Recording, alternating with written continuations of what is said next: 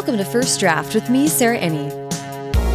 Today I'm talking to Sara Farizan, author of If You Were Mine, Tell Me Again How a Crush Should Feel, and her newest, Here to Stay, which is out now.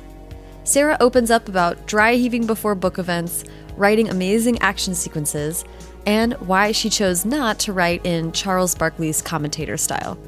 I loved this conversation, and I hope you enjoy.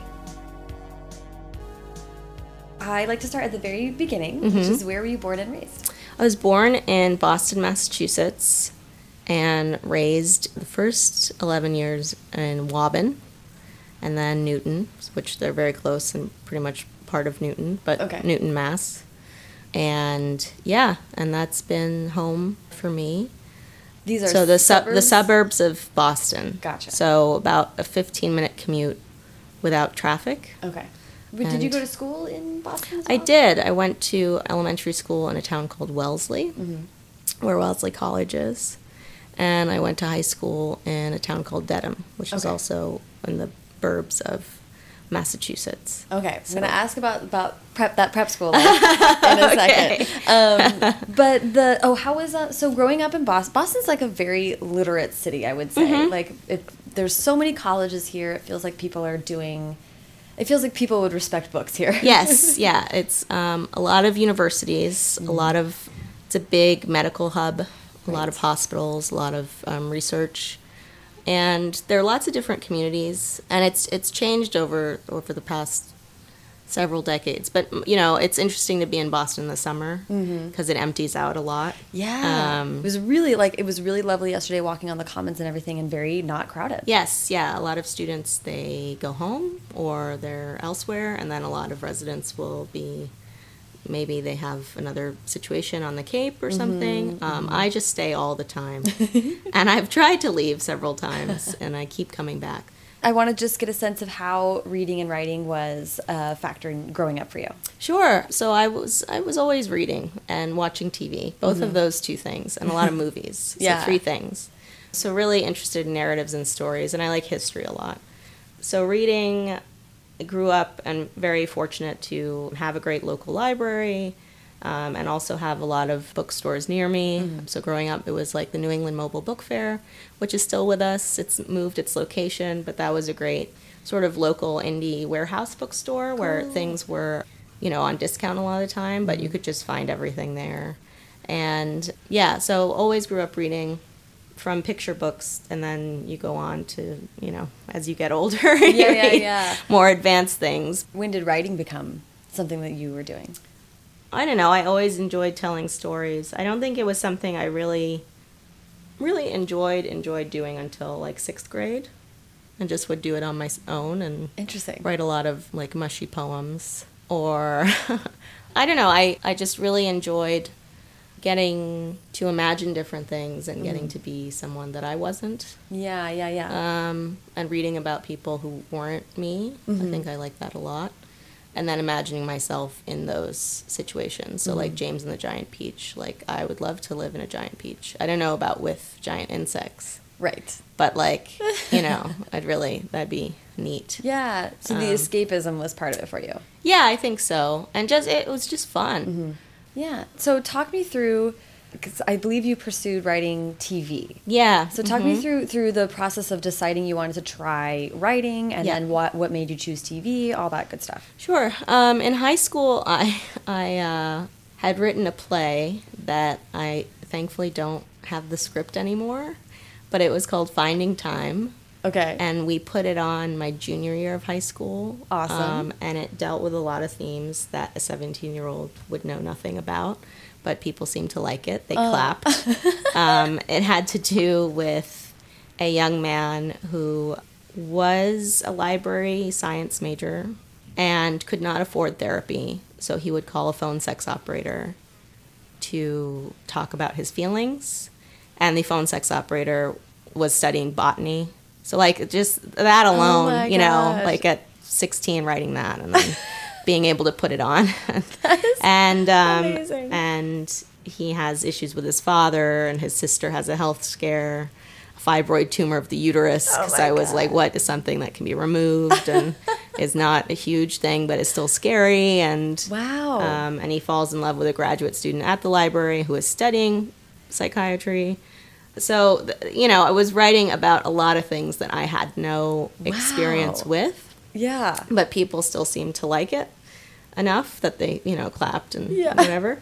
I'd always sort of wanted to write television for children. I'm a huge Sesame Street fan and Mr. Rogers fan, and just think that's a great way to to reach young people and to um, sort of help educate and, and facilitate thoughts and ideas. Yeah. So you actually wanted to write TV for very young kids. Yeah, for kids and, and teenagers. Okay. So when I went to university, I studied communications, film, and media studies, mm-hmm. and had a minor in cinema studies, which I've not used, but really enjoy. It was under the literature banner. Oh, nice. Um, and yeah, had wanted to write for TV, and then wrote a bunch of spec scripts for existing sitcoms at that time. So mm-hmm. like The Office or things of that nature, just to be like, okay, now I have something that I could show. Mm-hmm. And I was also very naive about the whole thing. I think I was like, I'm going to go out there and I've got an internship and it's going to be fine. And then the writer strike happened and the internship was like, there is no work. oh man. so, and also I was pretty alone. I mean, I had like maybe two good friends out there, but like it was, it was pretty like, was not, and also I was uh, 23, so not really great at self advocacy. I didn't really have like a community or figuring out how to ask like where could one get their foot in the door or Yeah. how could someone do that. So I sort of cut my losses and, and came back east. And it was an interesting period in time because I had gone from sort of thinking I was really great, like high school president, and then mm-hmm. you do college, and then you, you know, you're in Under- driving to a very fancy internship. Mm-hmm. And then I was working at a comic book shop in a strip mall uh, in another suburb, um, and seeing like my old high school peers come in to like sell their old DVDs, you know, Oh, and be like, "What are you doing here?" And be like, "I I don't know, I'm having an existential crisis." But that was a great year because I got to travel and I got to figure out what I wanted to do and just kind of Mm-hmm. did sort of off the beaten path kind of things. Yeah. And it taught me a lot too about, I think, people and working with people who are not like you. And that was really great too. I think it was my first kind of like reality check on real life. And that was Yeah. really nice too. Those disillusionment Yes. moments. yeah. Very humbling and healthy. So then I was like, well, what do I want to do? And there was a period where I thought I should go into medicine because Mm-hmm. that's what all Persian parents want. And I was like, oh, I like helping people. And I was like a candy striper at hospitals in high school.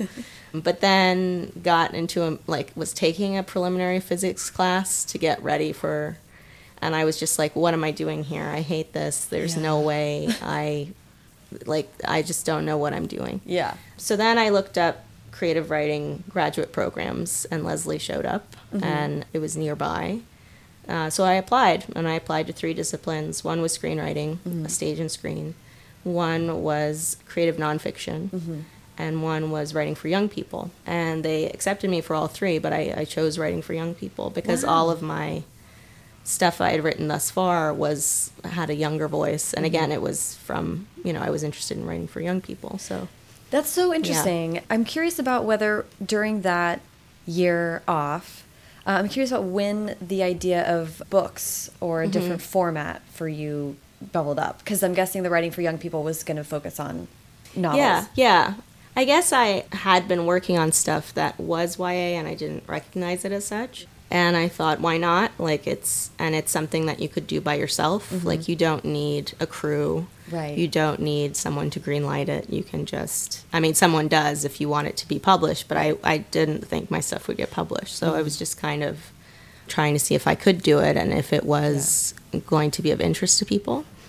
So then that that kind of yeah came into the fray. But was that what did applying to the school make you crystallize that, or had you been writing during this this time while you were still figuring? I had out? been writing, so when I was out of work in LA um, and the strike happened, I started writing what became Tell Me Again How a Crush Should Feel. Um, and I was like 23 when I did that. And I think it was about 80 pages in, just kind of thinking about because it just gave me something to do, and it mm-hmm. was a way to sort of channel things that I had wanted to say. Mm-hmm. Well, that's a lot of pages. I It, mean, it was, yeah, but it was very first draft and a lot more swearing in it.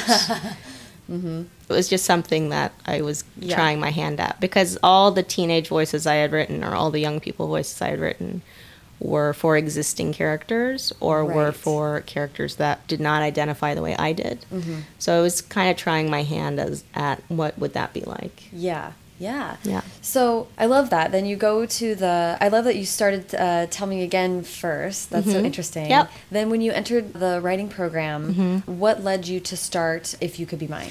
If You Could Be Mine actually was my thesis. I ended up writing both of those manuscripts or like having completed versions of them uh, during the two year program. Okay. Tell Me Again was my first year where I'd worked on it in workshop and and really tried to make it as whole as possible, even though it wasn't. It, it- the revised, the finished version is much longer, so you can imagine how much shorter uh, that was. And then If You Could Be Mine came from a workshop that Rachel Kadish ran. She's a professor there and a great writer. She has a book called uh, The Weight of Ink. Oh yeah. yeah. Um, yeah, and she led a workshop about sort of thinking about global things on a smaller level. And if you could be mine, started from a scene in which a young man is in a cafe where he knows there are going to be other people like him at that cafe, and like the chewing of gum, and but not actually verbalizing why you're at the cafe. right. And so I thought that was an interesting scene to expand upon. And uh, he became a she because I already felt like I was kind of biting off more than I could chew in a lot of ways. And then that became my, my thesis. So, yeah. Wow. Yeah. Okay, so that's so interesting. It kind of developed over that time. Mm-hmm. I want to take a second to talk about, uh, and again, to whatever extent you're comfortable Yeah. Mm-hmm. talking about it, about your experience coming out, and then like it so- it seems like slowly sort of coming to wanting to write your own perspective, as opposed to like spec Mm-hmm. Right. scripts and all that kind of Yeah. stuff. It seems like maybe those two things fed each other a little bit. I think so because I've always said I write to make myself feel better, mm-hmm. which I don't know that that's always the right thing. Sometimes I worry about that mm. because my story might not match up someone else's, and mm. so if I've done something to make myself feel better, that's great, but it's also I know that I'm representing a small group of people. Mm-hmm. So to anyone listening, my story is not the only story Yes. or any of my stories are not, you know, it's not a monolith. Yeah. But yeah, I, I spent a lot of time in college, especially. I mean, high school too. High school, I was mostly closeted until summer before college. Mm-hmm. And then college, you know, finally kind of figured out that identity a little bit more and um, had a group of friends who shared that identity and and made it more of a like jubilant and welcome experience rather than in high school I thought it would be very gloom and doom Right. sort of thing. And also meeting other Persian kids in university because like there weren't that many in our high school. There were a few.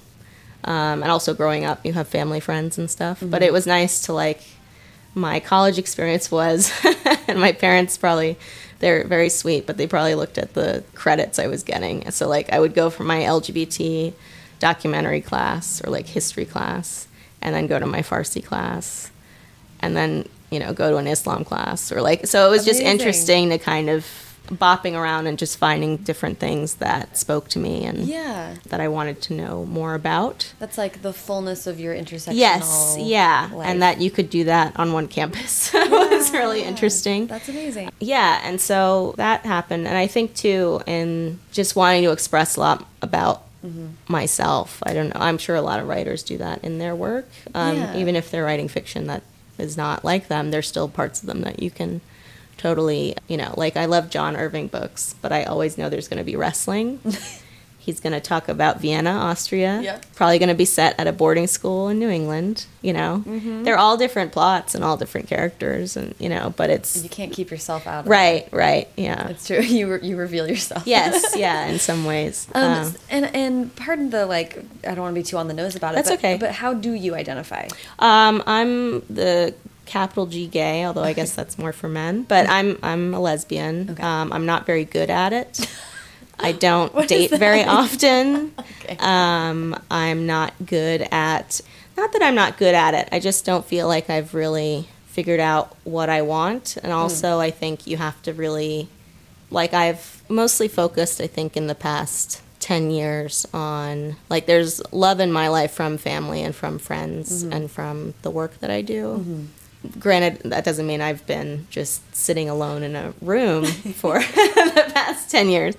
Yeah, I mean, I'm not opposed to one day, you know, Yeah. l'amour or finding it. I'm not comfortable with romance in that I think it looks good on other people. And I usually use writing it to make it more about a human rights issue because if I'm writing a narrative in which I'm like, I want you to care about these people, Mm-hmm. and there is no romance, I think that would be less, people would be less engaged that way. So That's yeah. interesting. Because I was going to say, your stories are very, they are romance stories. yeah, you get the girl like at the end, or in some, you know, but Yeah. doing the best to kind of facilitate that. But it's mostly to be to uh, humanize the the characters and Mm-hmm. and make their wants sort of universal. And sh- I Um, think showing what is making someone fall in love with someone else. Right. really reflects more on that Right. person as Yeah. a character, right? I'm thinking of If You Could Be Mine. I don't want to spoil that. That's book okay. at all, but but it is about uh, Sahar. I hope I'm saying that right. Yeah, Sahar. Yeah, Uh, that's good. She is so consumed with her feelings Mm-hmm. that I loved how that book was sort of talking about like a quote unquote unhappy ending can actually be this very sort of life giving. Yeah, there's there's hope at the end. Yeah. I, I mean it's it's not I think the happily ever after that people were looking for, but for a lot of people, happily ever after isn't necessarily that, you know. Mm-hmm. And with Sahar's sort of sole focus being on Nasreen, that's deliberate too, mm-hmm. because her mom is not with her. Mm-hmm. Um, her dad is despondent, so really the only person she's ever had to really talk to from twelve on is Nasreen. And do they have the healthiest friendship relationship? I don't think so. But it's also the constraints of where they are and who they are as people. Yeah. So Let's. Bef- Yeah. I want to ask a couple more questions Yes, about yeah. that. We are going to focus on here to stay, but Okay. But before we talk, just a little bit more about if you could be mine. Do you mind Mm-hmm. just pitching the book for anyone who's not familiar? Sure. Uh, oh, man. I wrote that as my thesis at age 27. And it's about two young women who are, they have a romantic relationship and are best friends. Um, but one of them is 18 and is getting married to a nice guy. And the other um, is devastated and wants to figure out how to make sure this doesn't happen. And she explores the idea of gender reassignment surgery, which is legal in Iran. Of course, Sahar, you'll read along that she's really very naive and doesn't understand that it's an identity and also but it's it's a love story that very star-crossed lovers. And it speaks a lot to um, i think even here there are people who can't necessarily be together because of societal pressures but in other countries where you know your identity is illegal or legal and, and what that means. And so yeah that was important to me. I do feel i don't the further i get away from it you know I it's definitely not a perfect book it has its flaws and that's okay i just wanted to get a dialogue and get people thinking about Yeah. other people Well, um, it's- especially YA. There's a lot set in North America, so just having something that wasn't that, Yeah. And I don't think I'll set another book there because I, I did feel uncomfortable because I didn't know it would be published. Well, uh, okay, Yeah. I want to talk about that a little Yes, bit because I think that's so interesting. Yeah. you brought that up in many interviews Yeah. about it.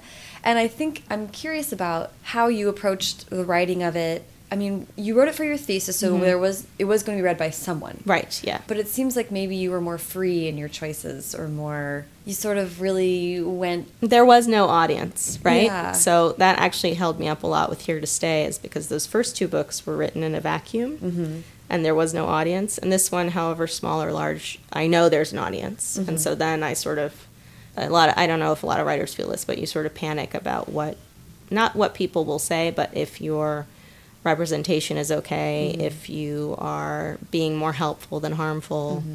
things of that nature, which I think a lot of some writers don't even have to think about that, which I think is a really great luxury. Given the stuff I write about, I do have to think about that.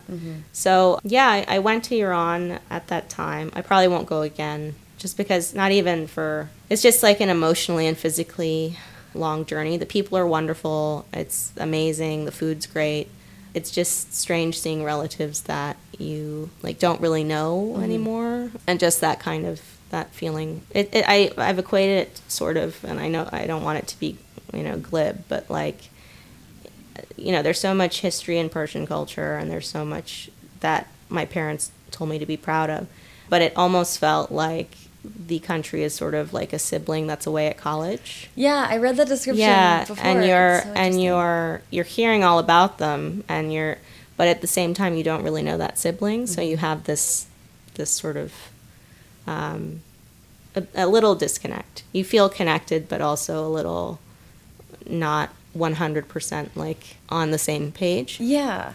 So yeah, it became my thesis, and and I went there for setting, and also to talk to just a variety of different people about their mm-hmm. experience.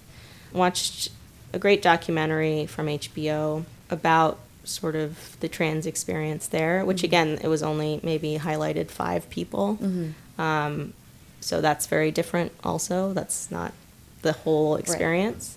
And I think too, I feel that when you are writing for a group that you don't belong to, that's tough too, especially if the rep isn't great in a lot of stuff. Mm-hmm. So I encourage people like if this is your only book you read about Iran, or if this is your only book that has you know trans characters, like please read other stuff. Right, right, right. like right. it shouldn't be the one. But for me, that story was really about just sort of human rights stuff, and that people of there are people everywhere who who identify in ways that maybe they can't be as vocal or Right. are vocal, but there there are consequences to that. Yeah, and I, I mean, what was the book had an enormous response to it. Mm-hmm. I don't I don't know about it because I I don't Google myself. I don't look up anything. Well, that- well, I'm very self aware of my flaws, and I like to have a healthy sort of mindset about whatever the next project is. But it did win awards. It did. and it was very kind of people, and I was very shocked. I was 28 when all that happened. So I have a tendency to be self deprecating, but I was even more so. And I was mm-hmm. extremely nervous. Mm-hmm. Had a lot of anxiety mm-hmm. before all that happened. And it was great. And I also was like, well, I should be so grateful. And I am. And, you know, this is so wonderful. And I'm meeting all these, you know, heroes in the field. And, but was also you know there were some like big events like touring or mm-hmm. at a conference where you know I would not be able to sleep or I would drive dry heave or just be really nervous.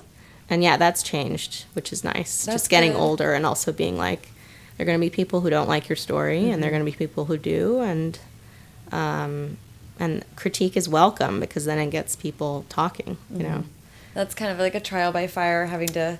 yeah, I mean it was it was such a surprise that one it got published, and then two that people responded the way they did, mm-hmm. and the positive things that I've gotten out of it in meeting people who responded to the book have really put gas in the tank in mm-hmm. the emotional tank. That's great. Yeah, so that's Wow. been great. You know, you have this sort of like wild experience, and you didn't expect it. Mm-hmm. Um, it's a lot like a roller coaster to go through. Yeah. Then what was it like to turn to Tell Me Again and Tell me again. I feel much more comfortable marketing. yeah. And I hope Tell Me Again has a longer staying power. And it's been interesting to see it sort of pop up on a lot of like summer reading lists. I mean, I don't know it, it's been sent to me like through, mm-hmm. or seeing it be on like book displays still, or, mm-hmm. or libraries, or having. What I enjoy is that all the readers of my stuff, none of them are the same Yeah. like everyone everyone is has been completely different from another age wise gender wise uh, sexual orientation race That's great. um, and that's been the most rewarding thing too is when people respond even though it's not a character that's like them necessarily but has uh, things about them or that they just like humor and, and they like sort of coming of age stories yeah, I was gonna say it's a very sweet romantic book with funny people in Yes, it. So yeah, there's I- always humor in my stuff, Yeah. even if it's a serious subject matter. I find you're always easier to win over someone with humor Mm-hmm. than without. yeah. Humor and falling in love are two good ways to get Yes. readers to root for you. Yes, yeah. Yeah. And to get people to step in the shoes of someone else much easier. Definitely. Yeah. Definitely. And I just don't want to skip over the fact. I mean, tell me again was a lot is a lot of dealing with identity in a very specific way to Yeah. you. Yeah. So was that? I mean, I'm really like Yeah. struggling to form a question about okay. it, but I just I think yeah, people have asked like, are you Sahar or are you Layla? Oh, interesting. I'm definitely not Sahar. Layla, yeah, there there are things in common, but thankfully have not had Layla's Right. tumultuous love life Yeah. or yeah, everything in that book is very deliberate with Mm-hmm. her friends and her how she sees things. Mm-hmm. Um, So then was stepping from stepping into that publication cycle more comfortable?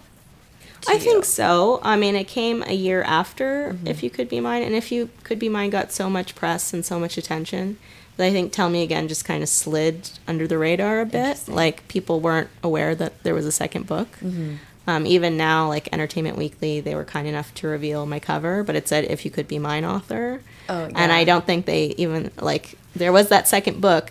Right, right. and and it was great. I think people maybe didn't hear about it initially, or because the cover is pink, Mm. and as a society we denigrate the feminine, that Mm-hmm. people weren't really keen to pick it up, or maybe they didn't like my first one. And but it's it's been interesting to see the kind of revitalization it's had, especially when Pride Month comes around or Valentine's Day, Mm-hmm. Yeah. and seeing people find it and talk about it and Yeah. keep it going. It's nice So- when books have a when the reward comes much later and it's consistent. yeah it and i and i sticks hope that does and i think it's been really great to see i mean my first book came out 2013 Mm-hmm. So it's been really great to see more i mean there's still a long way to go but more narratives that are coming of age of yeah. um, Well, I was going to say there's a lot of books to shelve it with now. Yes, uh, when right. Dimple Rishi, you have Maurene Right. Mm-hmm. Bo- Goo's books and, and books that are fun and have romance but are about family Right. and about really important other things Yeah. too. Um, it feels like there's a groundswell in those like heartening Yeah. Mm-hmm. books that kids can get lost in and see themselves in, which is cool. Yeah.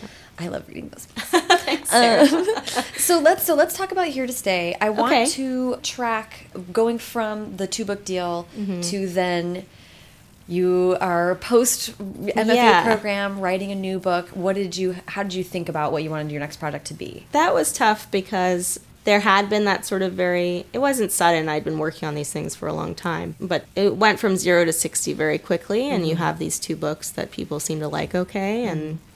And you're going you're being invited to these very big conferences which i'm grateful especially because i don't have new york times bestsellers. So it was really nice to to be in these sort of high profile areas even though i was dry heaving the night before and, and very nervous.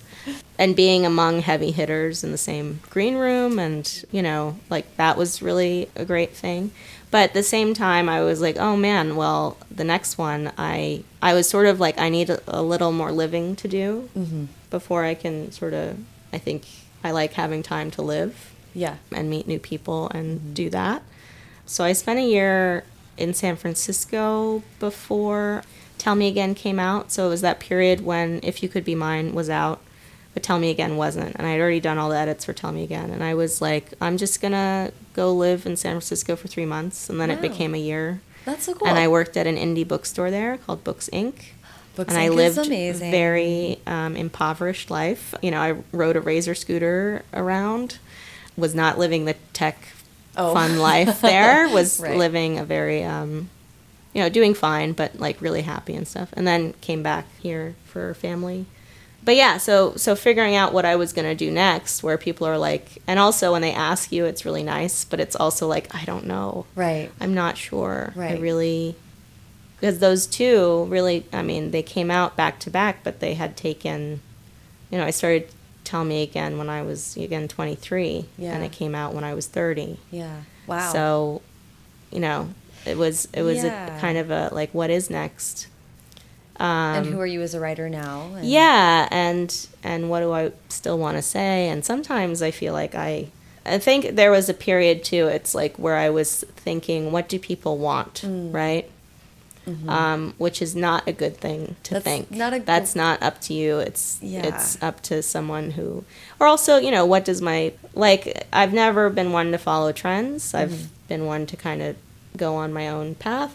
But at the same time, you do think about like, well, like what is next, and what like do I have another story in me? And so there was a bit of panic there. Yeah. And I think I had wanted to initially write something very fun where I was like, well, these two had a lot to do with identity stuff, and I kind of wanted to get away with that. And then, nope, I didn't get away from that. um, I had pitched an idea to my editor that it was going to be a book about a camping trip. Uh-huh. And there's no camping in here to stay, but there is a draft that has a lot of camping and so has funny. a lot of characters that don't exist anymore. That's really. Um, because I think I was getting away from the core of what I actually wanted to say. Interesting. Yeah, and I started working on it in earnest February of 2015. Was that during your San Francisco year? No, I came after? I came back. Uh, it was like the month after I came back. Okay. So do you think that the San Francisco year was really just filling the well? Were you doing any writing? Yeah, I was time, like or- very social and reconnecting with old friends because writing's lonely. Yeah. I mean, I'd and even now this summer I'm enjoying myself because like the past year I wrote four short stories in one book, which Yeah. leaves a lot not a lot of time to hang out with people or meet new people Mm-hmm. and and it's lonely because I work a 9 to 5 Monday to Friday, which that also helps because you're around people and you're Mm-hmm. not in your own headspace and you're doing whatever. I mean, it, does it get in the way of writing a lot? Yes. But I like being with other people and listening to other people and talking and Yeah. you know, where I'm Not not the just being- focus. yeah. Yeah, yeah, yeah. I prefer not being the focus actually. Mm-hmm. But I like a panel more than a Yeah. solo. I know. As. I'm like grilling you, grilling you one on one. But no, I definitely know what you're saying. Yeah, It- yeah. It, makes yeah, it's it's a little more comfortable that way. Yeah. But, but so you you come back from San Francisco and you Mm-hmm. start writing this book. I'm interested in what you mean when you say like this camping version. Yes, This sort yeah. of like maybe you trying to avoid the heart I mean, of the story. or- Bijan was always the main character, Mm-hmm. but I was thinking about things that I had done in high school Mm-hmm. and had gone on a camping trip that I was not thrilled about. and I again use humor a lot, so I thought that'd be fun to like have the kids, you know, like where do we go to the bathroom and be like, here's a shovel, you know, and that kind of thing, Right. and and the whole theme of like we're all one under nature, and Mm-hmm. but it it just wasn't happening. It was like okay, there. It was sort of like the third act, like all Mm. that led up to you know and there was another character in there who had similar identity stuff to bijan which they had some conversations that i sort of missed that and she had some of the best one liners and was very um a very spoiled girl who did not like being camping in the woods um, but she's gone you know and Right, it, it's really right. interesting to spend that much time with people who are not around anymore yeah, you know yeah yeah. Well, before we get too much into more into here to stay, Sure. um, I would love for you to pitch the book just so people know what we're talking. Oh, sure. They actually make me do these really these speed dating things Oh, mhm. where you go to a librarian conference and you go to each table and speed date and pitch your story, which I find really uncomfortable um, because you can also see people's like body language shift as soon as it's not for them or they're not interested. Right. So it's about a young man named Bijan. He goes to a private school in New England. He's had a very under the radar existence. He gets good grades. He and his best friend Sean love comic books and Stephen King. And he um, has a longtime crush on Elle, a girl in his class, but he has trouble talking to her. So he has his favorite NBA commentators, Reggie Miller and Kevin Harlan, give commentary to when he sort of needs a minute, and their commentary is throughout the story. He substitutes in for a big varsity basketball game. He's on the JV squad, and uh, it's a big game, and he plays really well and makes the winning shot. And all of a sudden, he's the big man on campus, and he's getting invited to you know cool kid parties. There's someone who's not thrilled with all the attention he's getting, so they Photoshop an image of him to look like he's uh, what Fox News version of a terrorist is, as an anonymous email to the student body. So the school is outraged and trying to figure out who has sent it. His mom and other parents are very upset. He is hurt, but he also wants to just not be a poster boy for anyone's sort of mm-hmm. bullying agenda or mm-hmm. whatever. He just kind of wants to, but he still has to deal with his new teammates on the varsity team mm-hmm. and people who don't know him that well and deal with their assumptions and prejudice. All while he still has a crush on the girl and he still just wants to, he wants the teen dream, which is in the beginning, he's like, you know, I've seen Karate Kid. Where Daniel LaRusso, he does the crane kick and he wins, and he's, you know, Yeah. that's all set, right? or, you know, even like just any of those narratives where like you make the winning basket and then that's you know your you're set yeah. yeah. and and it's actually put him in a position where where it's not and how kind of messed up that is Yeah, and I want to just ask the origin of the story. You have an author's note where you talk about it. Mhm. Do you want to read this part of it? Just I'm yeah we can i might tear up or something That's okay. But yeah, I began writing it in February of 2015 after the killings of Deah Barakat, his wife Yusor, and her sister Razan in Chapel Hill, North Carolina. Their deaths made me feel the same way Matthew Shepard's death in 1998 did when I was a closeted teenager angry, helpless, nauseated, disappointed in the times we were living in, afraid, and wanting to do something to make some sense of it. Though I did not know Deah, Yusor, Razan, or Matthew, I wept for all of them. While we didn't share the same background, they looked like people I knew. They looked like family. Yeah. Gonna make me cry on the podcast, know, Sarah. I'm yeah, sorry. no, but yeah, I, I saw that news story, and again, I, I they had very different identities than I do, but it was just one of those moments where I know we've had a problem. Mm-hmm. Like I'm not stupid. I've Right. you know, but I think it was just kind of a. It just made me very sad for a long time, much in the same way Matthew's death as a teenager did. But I couldn't really verbalize that. Yeah. So um, now I can verbalize it.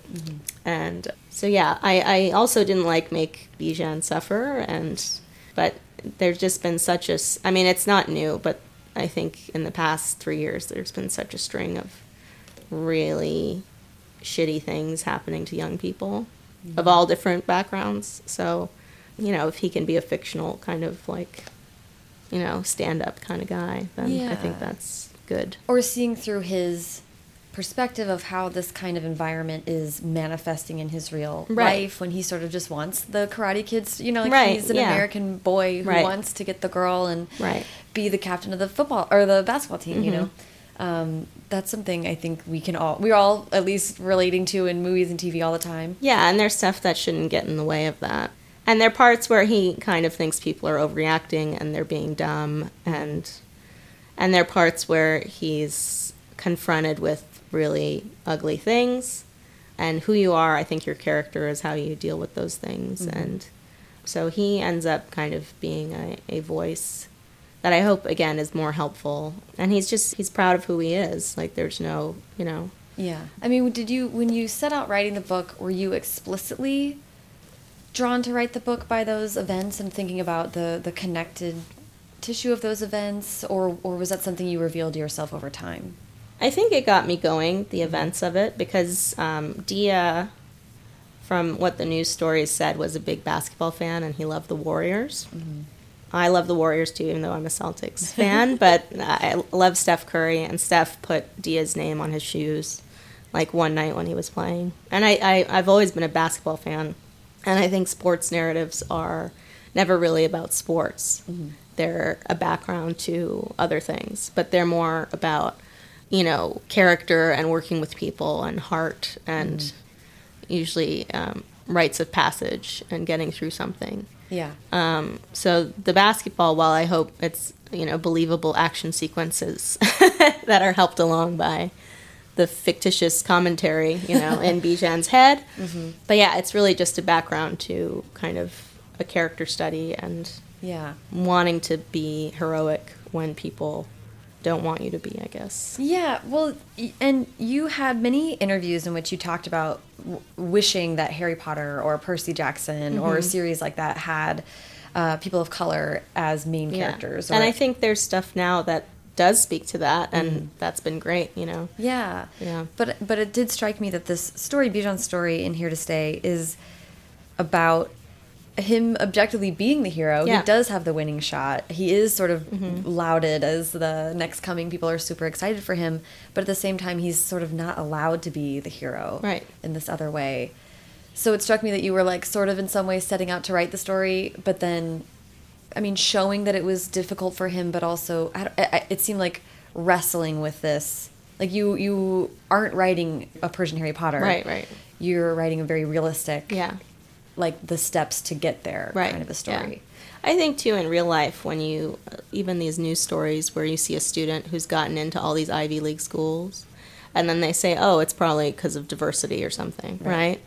Or even when you know Barack Obama was president, there was a lot of, "Well, is he born here?" and like community organizer what kind of and again Yeah. people are allowed to critique public figures but there is this sort of thing about like when someone ascends who is not someone we're used to seeing there can be a backlash of like well why is that There's some, Um, some cheat code. right some- right yeah. and this kind of like it's not based on their merit it's Mm-hmm. based on something else um, which is preposterous but it's and i get it too i mean he he deals with his teammates who are not thrilled he's on the team because they're worried about their spot Mm-hmm. and he deals with even well-meaning people who want to sort of be welcoming but do it in a way that others him more Yeah, yeah. and um, and that's not news for me personally. I mean, that's been you know kind of a lot of stuff that he. Granted, I was never photoshopped, thank goodness, and there was no anonymous email. But there are things that are from yeah experience. So- Yeah, I was going to say there's obviously the book deals so much with this macro aggression of the Photoshop and this Mm-hmm. like character. it's like a caricature, like really. I mean, borderline hate crime. Yeah, but the book is so much about the microaggressions, Mm-hmm. and I think that must be so. I just was reading reading it, thinking about how what a relief it must be to be a kid of color and to see that on Mm-hmm. the page and just to just the reflection of an experience is so Mm-hmm. validating and it was so well done you know and Oh, he, thanks, he Sarah. handles it with he, he handles it so well and was you know he's such Yeah. a like well-meaning guy I like care for this character Yeah, so but he's supposed to be because you want people to root for him. right You know. right but then also that's the level of sort of you know it made it made me sad to think that that's sort of what we ask of kids of color is that they be above this Yeah, you like know- turn the other cheek and all that. I mean, I don't know. I think there's such a variety of what we tolerate and what we don't. And I've just always thought that you should stand up for yourself, but sometimes that's very difficult, mm-hmm. especially when we ask kids or teenagers to do that. Mm-hmm. I think that's incredibly difficult, or have them answer questions that they're not equipped to answer right right because they're the only one that you've met, right? Right. Which I've dealt with my whole, you know, life. And again, I don't have all the answers, and so I just uh, it, that ex- part of it is very from me. And like w- on one hand, like it's great if you're interested in me as a person and my family, and you know, you want to learn more in of history and culture and food and stuff. But it's quite another to be like, what do you think about this news story? You know, and be like, I don't know. Mm-hmm. Or just a lot of really kind of, I get why people ask. Mm-hmm.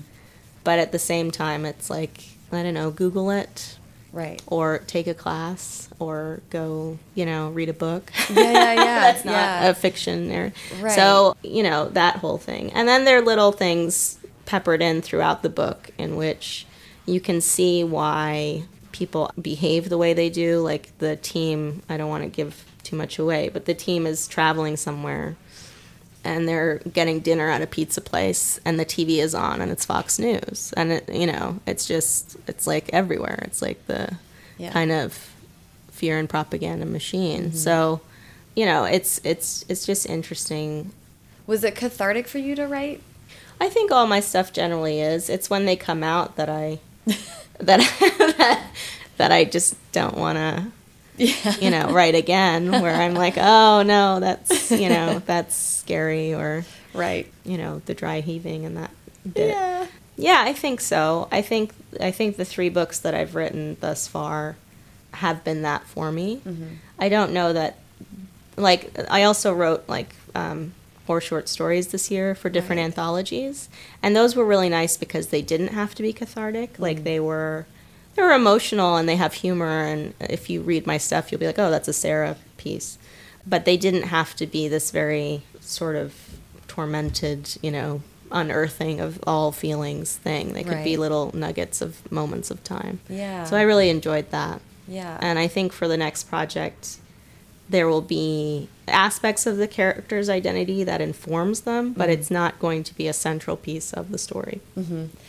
How, I, I recall you thinking that was not going to be an essential piece of this book, Yes, however. so who knows? Maybe I'm full of junk. But I, I would like to write something that I think doesn't take as much out of me as the last three have. yeah, that's fair. And uh, yeah, I mean, anyone who writes, like, it takes stuff out of you. But especially these three were, were very, they took a lot. And, Yeah. and that's not always easy to do. And then to expose it to people, right? Where you're up for public consumption. Mm-hmm. Yeah. Um, is, is tough. Yeah, hence the dry heaving. I totally Yeah. get it. Yes. Um, I want to talk ask a couple more questions about Here to Stay, and then we can kind of wrap up with Sure. advice. But it is a male point of view. Yeah. So it's the first book you've published with a male point Yep. of view. What made you want to try that out? I, I think because, and I don't want to generalize because I, I'm not male and I will never fully know what that experience is like. Although there all are male writers who write female mm-hmm. characters and seem to be doing fine, so hopefully people will give me the same benefit of the doubt. However, I find that men, while internally they're feeling a lot of stuff, mm-hmm. Externally they're not verbalizing as much. Mm-hmm. So I could get in his head that way where he's thinking all these things, but then he just says sup, you know, Yeah. to someone. And so that kind of shaped that choice. Mm-hmm. Um, the other choice being, I think, young men who are black and brown. There's a time period in which they go from cute and children to being perceived as something mm-hmm. Else, which I don't like that. I think that's really messed up. So I wanted to address that. And also, I feel like a lot of the here and now and has a lot to where we are, again, has to do with sort of uh, that idea of what is it to be a young man, mm-hmm. right? And there are a lot of things that inform a toxic viewpoint, mm-hmm. and there are a lot of things that that is changing and doesn't have to be that, and so mm-hmm. that there is no one way to be a guy. Yeah. Um, but for me, it was important that he be a male because he's dealing with people's assumptions and, and crap. Mm-hmm. But he's really he's a young boy. He's sixteen. You know, yeah. he looks tall, and he looks you know like big and like could handle the world. But like you know he's sixteen Yeah. and lives with his mom and Yeah. you know That um, that happened to my brother is really tall and got Mhm. really tall really young. Yeah. And it was funny to see my not funny, but my mom commented several times to me which was always that she was like people ask so much of him because they just think he's Mm-hmm. Right. older. Right. And they forget that he's like 13 or whatever and Yeah. Mm-hmm. he just isn't ready for these expectations or assumptions, which was something I never had to deal with and I remember just being sad for him that he had to do that. But you're talking about, you know, a lot about toxic masculinity, Mm-hmm. which is often so wrapped up in sports too. And even the well, language of sports. sports is sort of a game and it's great, but there's a lot of violence in it, and I don't like writing about violence, but I do like having this sort of idea of competition and we're going to battle and and that energy that goes into that and how that kind of there's also teamwork and camaraderie, but in this story it's very like the team has a very kill kill kill focus, Right. you know, and Bijan is not that kind of guy. He mm-hmm. just wants to he loves the sport and mm-hmm. has grown up reading about like Bill Russell and you know, so he's a basketball nerd, yeah. but he's not like a gladiator. He's not like we must do everything to win, you know, where he's coming into that culture of mm-hmm. winning at all costs and what it means to be a winner and his teammates who really need to win in order to keep their place at the school or for their future. And then the the players who don't really like it's just something that they enjoy but they've found an identity there. Yeah, it was so interesting to me. Mm-hmm.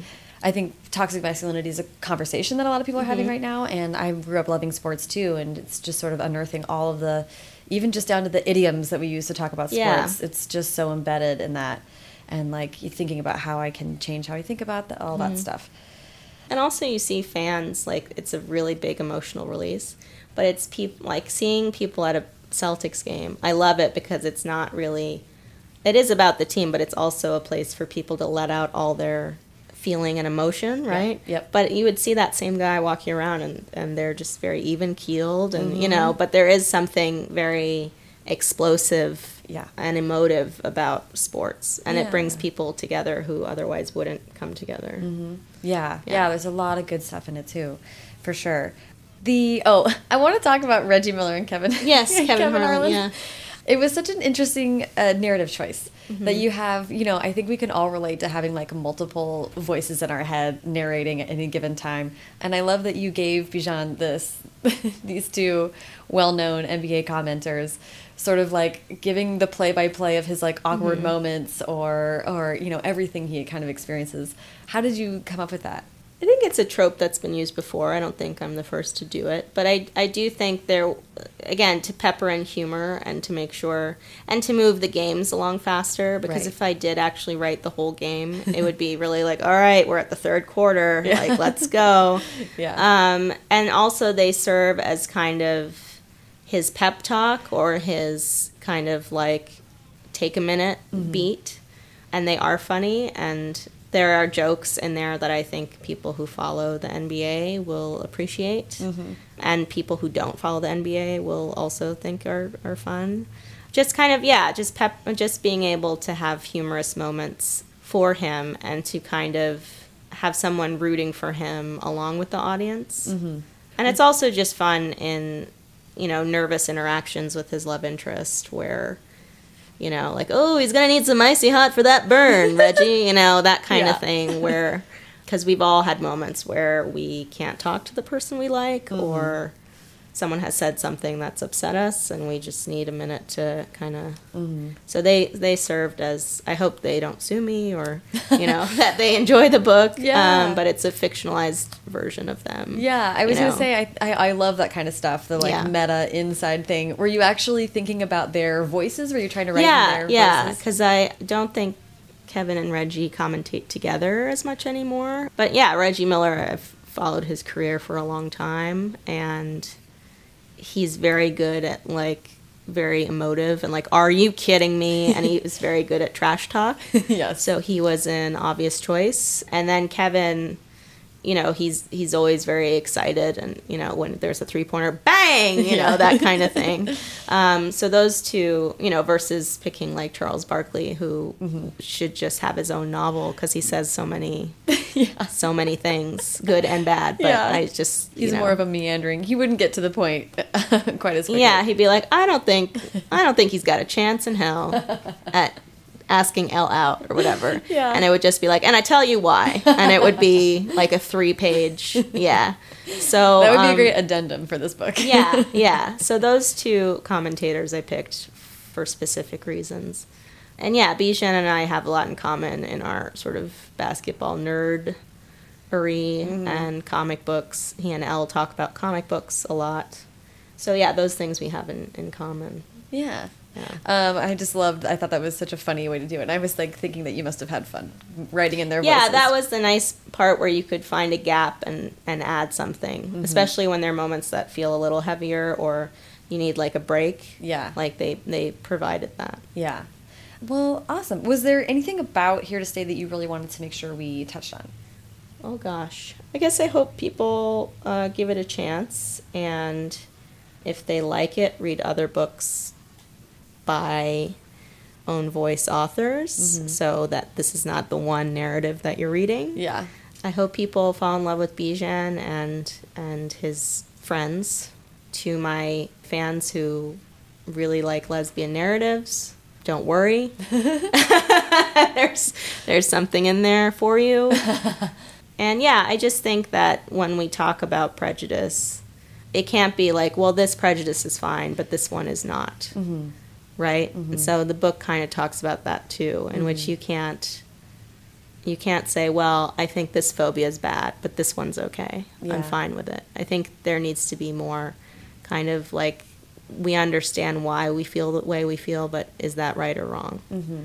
And hopefully people root for Bijan, and, and it's a bit different from my first two. They'll still have the same heart and humor, mm-hmm. but I'm trying to kind of grow a little. I think a long time ago I was worried about what I'm allowed to do and what I'm not allowed to do. Mm-hmm. I think now I'm more like, what am I going to allow myself to do? And hopefully some people like it. And, Yeah. you know, I think that's a lovely shift. yeah. It's a good way. That's a more fertile, creative place. to come from. yeah, and again, I'll probably continue to write stuff that makes me feel better, but I also want to make sure that I'm, you know, when you when you pass, whenever that is, hopefully it's a very long time.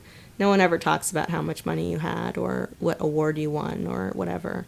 They mostly talk about whether you were a decent person and mm-hmm. and what they meant to you. So I hope the books are like that too. Yeah. Well, that's great. Um, uh, we wrap up with advice. Okay. So I'd love to hear. Oh um, my. yeah, ad advice that you have for for new writers. Yeah, I guess I, there's a myth that I think once you've published, you have it all figured out, and that's not true. not true. That's not true. The advice I will give is don't follow any trends. Write the story of your of your heart. Mm -hmm. When you are ready to submit, so you've written your NaNoWriMo or you've written your thing, mm-hmm. sit on it for three months, don't look at it, and then revisit it again and clean it up. Look at the books that you enjoy and see who represents those writers mm-hmm. so that you can submit there. There's no constraint on what you can write. Mm-hmm. If you're like, no one's going to want to read this, that's not true. Yeah. I think we all think that. My career is a testament to that, where that's not true. Yeah.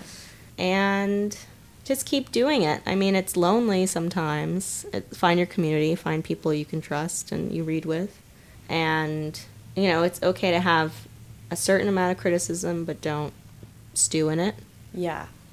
Right. And you I think like... there's a tendency to stew, especially when you're alone with your work. Mm-hmm.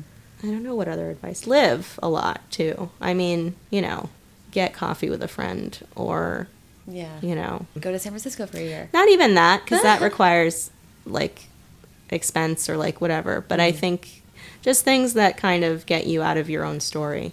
Yeah. You know, because it's important to live in it, but it's also important to have a life so that you can give it more life. Yeah. Yeah. Yeah. And, and I think sometimes it's a it's really hard. I'm still trying to figure out the balance of working, writing, and having a social life and doing things you want to do. Yeah. So, but it's really important just for not even for your work, but I think for your you know mental health and overall life. Well-being. yeah well-being yeah. Yeah definitely. Yeah. Um, well that's awesome advice. Thanks sarah. thank you so much sara for making the thank time. thank you and thank you for listening to me guys. I know my voice is a lot like daria morgendorffer from the show daria and mtv well if anyone uh, has a problem with daria they can take it somewhere else because thanks I'm, very I'm much. here for it.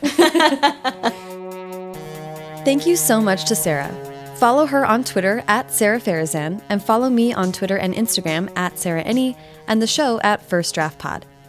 For links to everything Sara and I talked about today, check out the show notes for this episode on firstdraftpod.com. While you're on the website, you can also check out the 150 plus previous episodes of this show, including many episodes that are available as transcripts. Right there on the homepage is a link to a searchable Google Doc, so if you open that and Control F, you can search for all your favorite YA writers. If you love them, odds are I've talked to them. You can also sign up for the First Draft newsletter, which is sent at very reasonable intervals and is a great way to stay up to date on who's being featured on the show, get my recommendations for other podcasts, and also some info about my upcoming debut novel, Tell Me Everything. If you like what you heard today, please subscribe to the podcast on Apple Podcasts or the app of your choice, and leave a rating or review on iTunes. That helps other people find the podcast and it earns you my undying love and affection. Haley Hirschman produced this episode. The theme music is by Hash Brown, and the logo was designed by Colin Keith. Thanks to super intern Carter Elwood and transcriptionist at large Julie Anderson. And as ever, thanks to you, Reggie Miller inner monologuists, for listening.